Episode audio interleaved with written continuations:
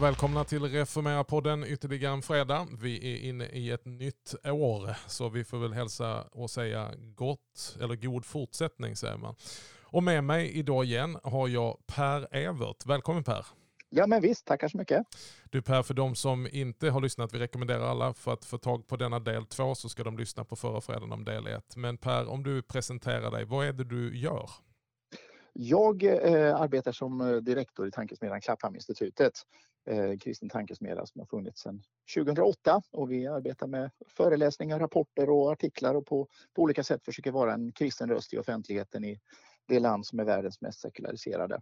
Och i övrigt så har jag forskat då, det är det vi håller på att prata om här. Ja, och i egenskap av din, din tjänst och din uppgift i Clapham förstår jag så har du precis kommit hem från Bryssel. Vad har du gjort där?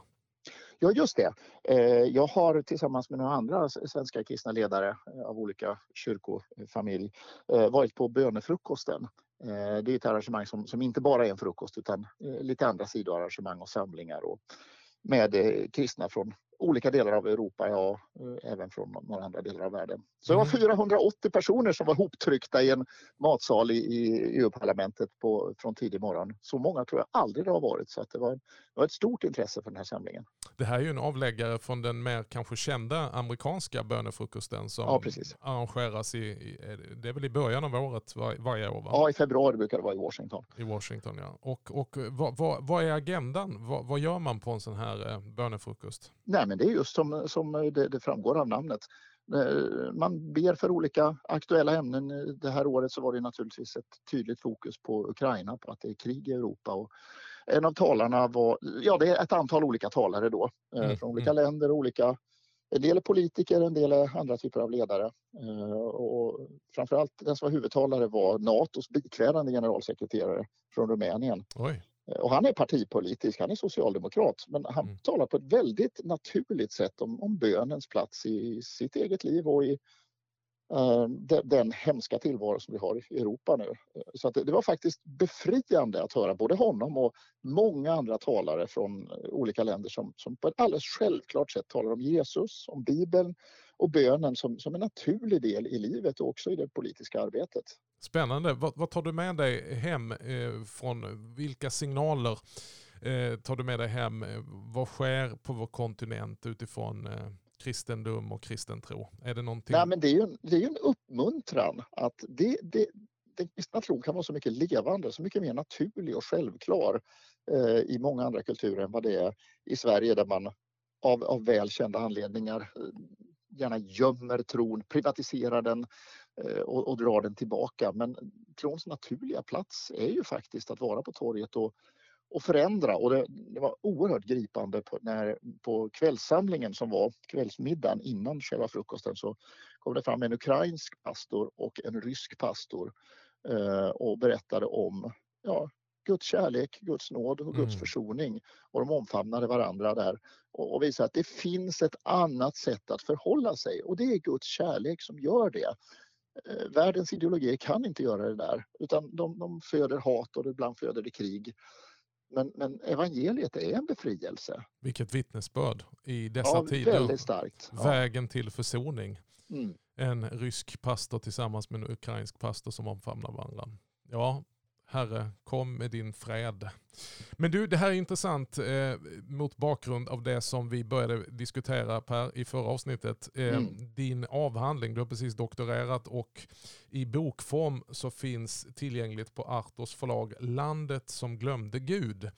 Det är ju intressant mot detta du berättar då vad som sker på kontinenten och så är vi här uppe i Norden och i Sverige i synnerhet så har du tecknat en utveckling under mm. 1900-talet som har resulterat i det vi befinner oss nu i och som World Value Survey har eh, markerat på sin karta var man befinner sig någonstans i olika länder mm. och kulturer som på väldigt extremt eh, extrem plats på den här eh, kartan uppe till höger ganska ensamma som ett av, Sveriges mest, eh, eller ett av världens mest sekulariserade och individualistiska samhällen.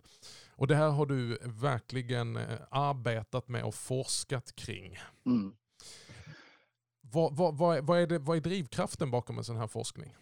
Ja, drivkraften är just att göra den undersökning som någon annan borde ha gjort för länge sedan. Att undersöka varför mm. är Sverige så långt ut på kanten? Eh, för att om, om, Sverige bara hade löpt på en utveckling som samtidskulturen hade rullat på, då skulle alla länder vara likadana. Eh, eller åtminstone de som befinner sig i något samma kultursfär. Men så är det ju inte, utan Sverige... Och det är något av det man tar med sig när man åker till andra länder, att Sverige är verkligen ett annorlunda land när frågor om, om tro, religion, eh, kristet liv eller, eller gemenskap och eh, eh ja, det är så många företeelser som är annorlunda i Sverige än i andra länder. Mm. Är det, det är befriande faktiskt att andas annan luft. Europa är ju överhuvudtaget en sekulär kontinent jämfört med andra kontinenter. Mm. Men även jämfört med andra europeiska länder så, så framstår Sverige som just annorlunda och det är viktigt att ha med sig i tanken när vi går omkring här i vår vardag. I Nej, man behöver inte åka långt, det räcker ju att man åker till, och det är ju lite ironiskt i sig, man kan ju åka till de baltiska staterna, de mm. baltiska länderna och se ja en helt, ett, någonting helt annat. Eh, om man tänker på deras eh, rötter och deras historia. Eh, och även när du kommer ner på kontinenten, eh, Tyskland till exempel. Mm. Eh, Polen framställs ju av vissa då eh, som är stolta över den här utvecklingen. Sverige har gått i som något sorts extremt land. Ja, och Sverige framställer sig gärna som att vi är en självklar föregångare som alla andra länder behöver följa efter därför att det är liksom en naturlig följd av moderniseringen, att människan ska bli mer autonom och oberoende och därmed icke-religiös. Men det är ju inte alls säkert att så är fallet och andra länder har gått i annan riktning. Mm. Men du eh, Per, om vi ska ge oss i kast med då liksom hur det blev så här, men den enkla mm. frågan hur hamnade vi här? Om du gör en snabb överflygning, kortfattat, vad var förloppet under 1900-talet? Och sen så ska vi gå in och, och titta lite grann på att, eh, vad är resultatet? Men vad, vad, hur, hur utvecklade sig detta? Jag, jag har tittat framförallt på tre samhällssfärer och det är inte för att jag har valt ut dem och tycker de är särskilt spännande utan det är för att i den politiska debatten i Sverige eh, inom det, det, ledande socialdemokratiska partiet men också inom de andra partierna så är det tre områden som, som står i centrum för den här förändringen. Det är kyrkan och det är skolan och det är familjen och de kommer i just den ordningen. Kanske mm. kunde ha kommit i en annan ordning men det, det, finns kanske en logisk följd i att först politiserar man kyrkan eh, och sekulariserar den inifrån och sen kommer skolan och sen kommer familjepolitiken. Mm. Och eh, mycket medvetet då så, så det nämnde vi i förra avsnittet så vi ska inte eh, upprepa det. Men man gör alltså olika strategiska insatser mot olika institutioner för att ta greppet om kyrkan och egentligen då använda kyrkan istället för att stänga kyrkan. Att använda kyrkan för att avkristna Sverige. Har jag uppfattat det rätt? Ja, ja precis. Eh, och, och, alla uttrycker det inte så öppet att man, målet är faktiskt att avkristna men, men vissa aktörer gör det öppet och säger att målet med den här strategin som vi har är att avkristna kyrkan och avkristna folket. Eh, och det gör man ju det genom att politisera kyrkan på alla beslutsnivåer. Sen när man kommer vidare till, till skolan, då är, då är strategin en annan. Eh, man ska visserligen införa en ny slags skola, en grundskola, men där handlar det framförallt om innehållet som ska mm. bli annorlunda. Och där ska man då avlägsna kristendomsundervisningen och ja. eh, forma så att säga framtidens folk. Ja. Eh, och, och, vissa är ju mer ideologiskt drivande än andra i den här frågan och en av de som är mest inflytelserika är ju Alva Myrdal. Det går inte att säga någonting annat. Hon är mycket inflytelserik i att eh, omforma den, den svenska skolan hon har ett visst inflytande i att omfamna kyrkan också när hon blir kyrkominister i slutet på 60-talet. Men då är ju den stora sekulariseringen av kyrkan redan genomförd så att då är det bara att rulla den utvecklingen fort, fortsatt. Mm. Utan på 60-talet så är det skolan som står i, i centrum för samhällsförändringen. Men, men den som är kritisk då skulle säga att ja, men det här är väl en rimlig och god utveckling att man mm. tydligare skiljer på stat och kyrka och låter eh, staten, eh, alltså land ska med lag eh, byggas och, och, mm. och ordnas och det ska inte vara ha något inflytande av religion eh, utan det ska vara en sekulär stat. Mm. Mm. Um, och, och, de flesta skulle nog säga, även de som är varmt kristet troende skulle nog säga att eh, religionsfrihetslagen från 1951 är en bra lag. Mm. Att man gavs möjlighet att fritt gå ur statskyrkan. Men då märker man också att de som är sekularistiskt eh, inriktade, som de som har sekulariseringen som långsiktigt mål, de är ju jätteglada över den här lagen för då ser de det också som en möjlighet att eh, begränsa kyrkans inflytande eh, över människornas liv och över samhällets liv. Mm. Det är Stellan Arvidsson till exempel den store skolreformatorn som också är fanatisk kristendomsfiende mm. som beskriver att nu kan vi påskynda utmarschen ur statskyrkan och, och minska kyrkans inflytande och, och, även andra politiker uttrycker i riksdagsdebatten om religionsfrihetslagen att det här är första steget och, och nu vill vi gå vidare och göra nya djärvare steg i förändringen av samhället. Mm. Vad, vad, vad, vad, säger du till dem som, som uttrycker sig att ja, men det här eh, känns ju som en forskning som målar ut Socialdemokraterna som otroligt hemska, lömska och kristendomsfientliga. Faktum är ju att Socialdemokraterna har ju haft greppet och makten om Sverige under största delen av 1900-talet. Men det finns andra liber liberaliserande krafter också. Mm. Eh, och det här är ju, en, en, en, när de där frågorna kommer upp och det gjorde vi även under disputationen mm. eh, så, så gensvarar jag att det här är en deskriptiv studie. Jag beskriver ett mönster. Mm. Jag tar inte ställning, moralisk ställning till om eh, sekulariseringen är si och så stor i landet eller om den här, den här utvecklingen är positiv eller negativ utan det lämnar jag egentligen till läsaren. Mm. Men jag, jag avtäcker så att säga ett mönster, ett historiskt mönster och ett historiskt skeende som inte har beskrivits tidigare.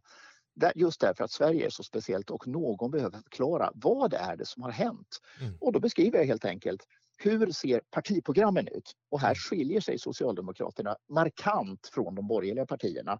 Folkpartiet står i någon slags mittenposition eh, mittemellan de religionsfientliga Socialdemokraterna och de mer religions försvarande eh, högern och bondeförbundet. Mm. Så att det är en tydlig partipolitisk skillnad. Och det andra är också att socialdemokratin har haft större inflytande i Sverige än vad något annat regeringsparti har haft i något annat demokratiskt västland mm. eh, under så lång period. Och det gör det extra intressant att undersöka det här partiet och de ledande företrädarna och de som driver den politiska agendan. Mm. Och där är det inte alltid statsministrarna som gör det utan statsministers uppdrag innebär att liksom hålla samman regeringen, hålla landet på kurs. Men de ger inflytande åt andra mer radikala samhällsreformatorer om man nu använder det ordet. Det. Och där befinner vi oss nu och när vi är tillbaka så ska vi titta lite grann på nulägessituationen eh, eh, och resultatet av denna utveckling under 1900-talet.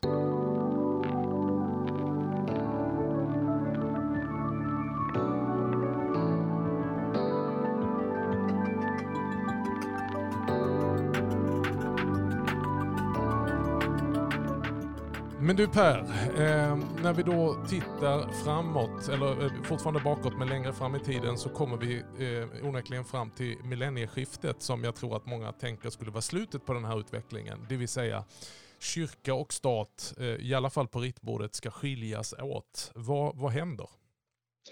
Ja, eh, Arthur Engberg beskriver ju eh, sin plan redan 1925 när han har övergett tanken på att eh, avskaffa statskyrkan omedelbart. Och lägger han fram ett sexpunktprogram på hur kyrkan behöver förändras för att bli mer demokratiserad eller eh, vilket ord man nu använder, men, mm. men det som i praktiken innebär sekulariserad. Och först därefter kan man släppa den fri och det är det man gör också år 2000. Eh, och framförallt är det en, en, intressant intervju som jag har eh, använt där sista kyrkoministern Marita Ulvskog sitter och samtalar med eh, KG Hammar eh, om, om vart kyrkan har tagit vägen. Och hon förklarar då att det är en viktig del i eh, att koppla loss kyrkan från staten är att först göra om den så att den inte är en kyrka främst för bekännare utan för alla och en var, även de som inte alls har en kristen tro och inte vill ha det heller. Mm. Eh, så att det där har funnits en medveten strategi och långsiktig sådan. Mm. Eh, vad, vad, är kyrkans roll i det här då? För att mycket, så som nu har vi bara kortfattat gått igenom det, men kyrkan kan ju framstå som väldigt tafatt och foglig i den här processen. Ja, och det var ju också den långsiktiga planen att, att eh, skapa en kyrka som är foglig under politiken. Man har inte velat ha en kyrka som står fri och som lyder under en högre agenda, under en högre auktoritet än politiken. Det, det har varit väldigt noggrant och viktigt för, för politiken.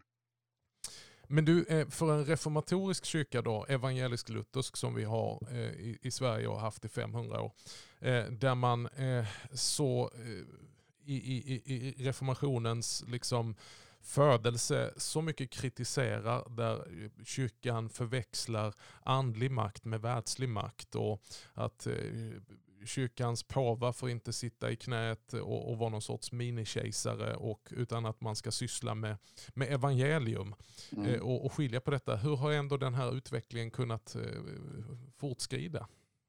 Ja, man kan ju säga att, att biskopar och präster har varit lite motsträviga under, under vissa perioder. Till exempel när man skulle börja politisera lokala kyrkoorganisationen på 30-talet. Då, då skrev man ju en tydlig biskopsmotion till kyrkomötet som kyrkomötet också ställde sig bakom och sa att det här vill vi inte. Mm. Och under 50-talet så skrev biskoparna ett väldigt skarpt brev eh, till samtliga präster i Svenska kyrkan 1951 mm. om att man såg en, en gryende ny rörelse med nya kulturella och, och värderingsmässiga ideal mm. eh, som, som fjärmade sig från klassisk kristen tro. De sa att här behöver vi stå fasta och vi, kyrkan och, och dess undervisning, till exempel om religion, relationer och äktenskap. Det var det man såg att eh, det här kommer att bli viktigt i framtiden. Där skrev man tydligt att eh, kyrkans undervisning behöver alltid bygga på Guds vilja och Guds bud. Mm. Eh, så att, så att kyrkan försökte ställa sig på sin egen eh, tro och grund. Men politiken hade som sagt var redan tagit över så man visste att i långa loppet kommer vi att kunna mala ner det här motståndet. Men då kan ju den som inte är insatt tänka så här, ja men det är väl löst nu då? Nu är ju kyrka och stat åtskilt. Mm.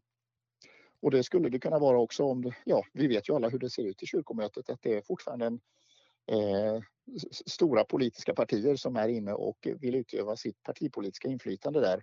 Och så länge det är så, då, då är det svårt att se någon annan väg för kyrkan. Men hur gick det till? När man då ska, ska, ska liksom åtskilja eh, stat och kyrka och ändå de eh, politiska partierna fortsätter att, eh, många skulle säga med ännu större kraft, mm. att, att påverka kyrkan. Hur, hur kunde det bli så? Blev det en kompromiss? Blev det Ja, det naturliga hade ju varit att, att partierna drog sig tillbaka helt och hållet. Mm. Men man ser ju, som Stefan Löfven sa inför kyrkovalet 2014, att eh, jag ser att kyrkan kommer att vara en, en, intressant arena för socialdemokratin inom oöverskådlig tid. Ja. Och det är ganska länge. Ja. Eh, jag ser inget slut på det engagemanget, sa han. Mm. Men, men, min bedömning är ju ändå att om Centern och Sverigedemokraterna tydligt sa att nu, nu drar vi oss tillbaka och hoppas att Socialdemokraterna gör det också, då tycker jag ändå att det opinionsmässiga trycket på det stora partiet borde bli så stort så att de skulle förmås att flytta sig undan. Jag tycker det vore en rimlig utveckling om vi nu har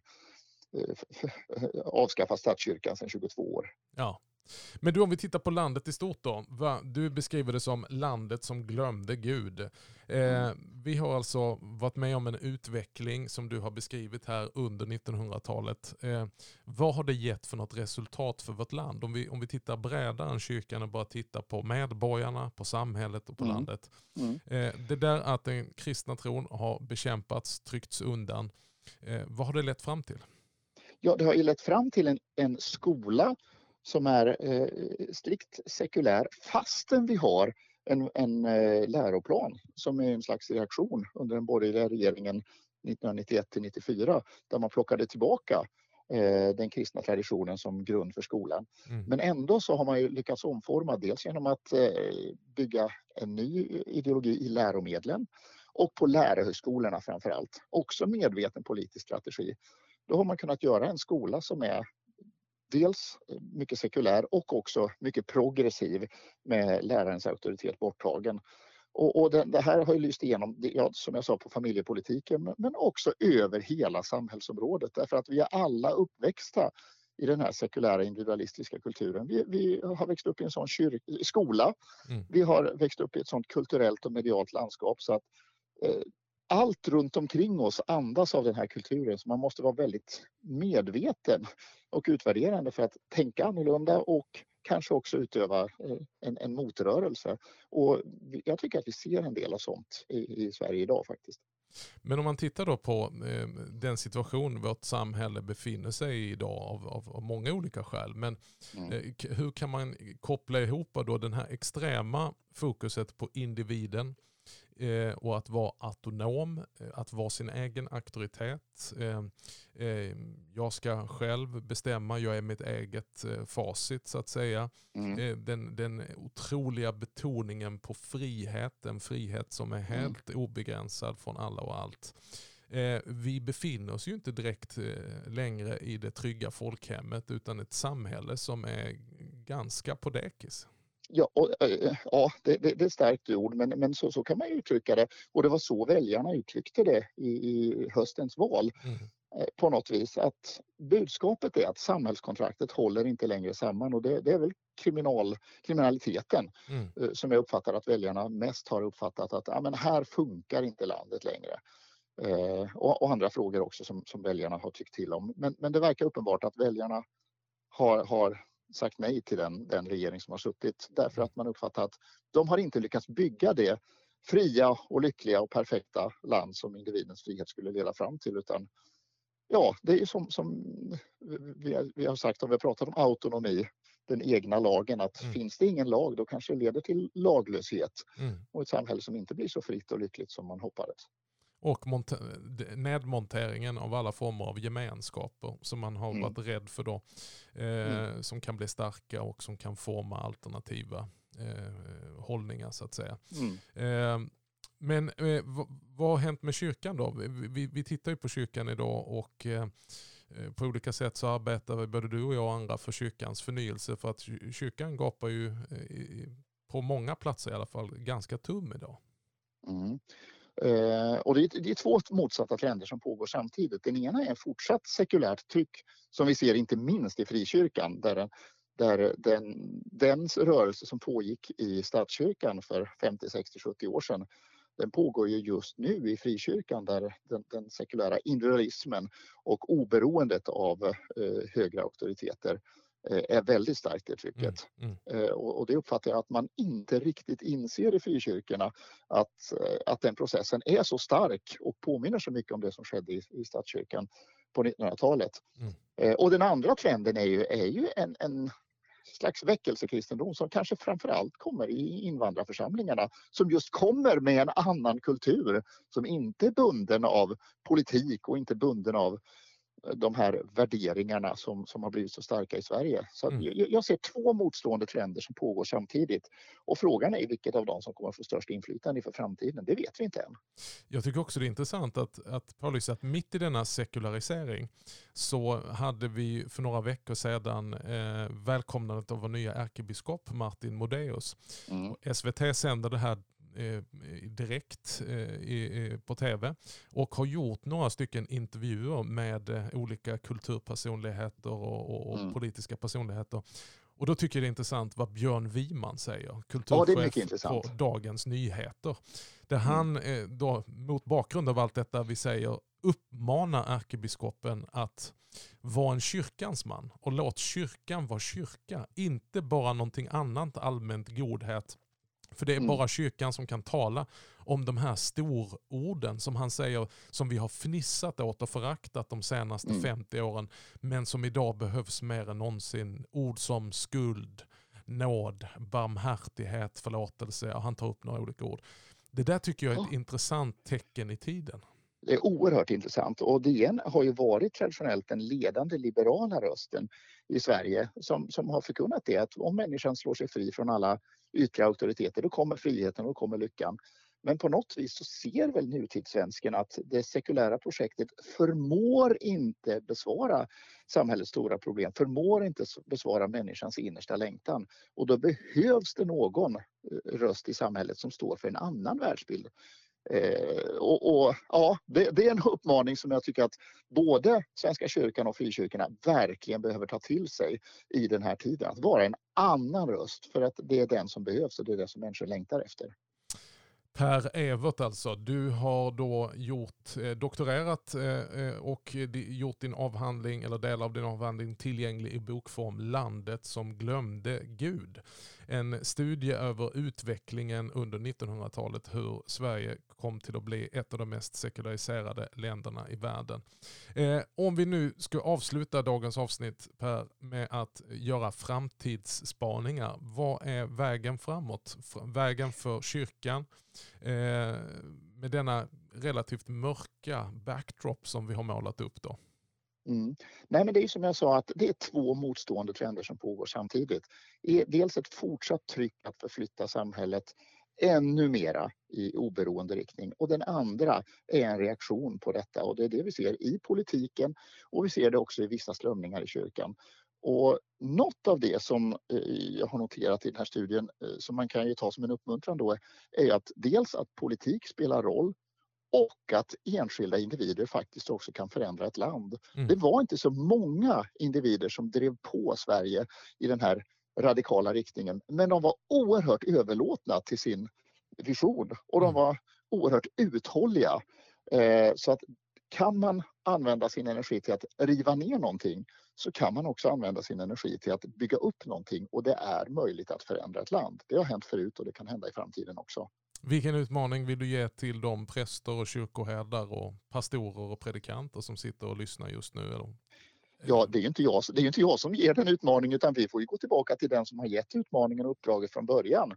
När Jesus sände ut sina fåtaliga lärjungar med uppdraget att gå ut i hela världen och göra alla människor till lärjungar och döpa och lära dem vad Jesus har befallt den, eh, det uppdraget står ju fast och det är kyrkans uppdrag. Om man inte gör det kommer det gå dåligt för kyrkan och för det uppdrag man har. Men om man utför det då är det fortfarande världshistoriens första folk, största folkrörelse. Du, om man tittar utifrån ett samhällsperspektiv eh, så kan man ju ibland ställa sig frågan, kommer det att eh, finnas utrymme för kyrkan att vara kyrka? Det blir allt mer, eh, även idag, Eh, likformighet, eh, mm. centralt kontrollerat, eh, styrt av olika former av åsiktskorridorer.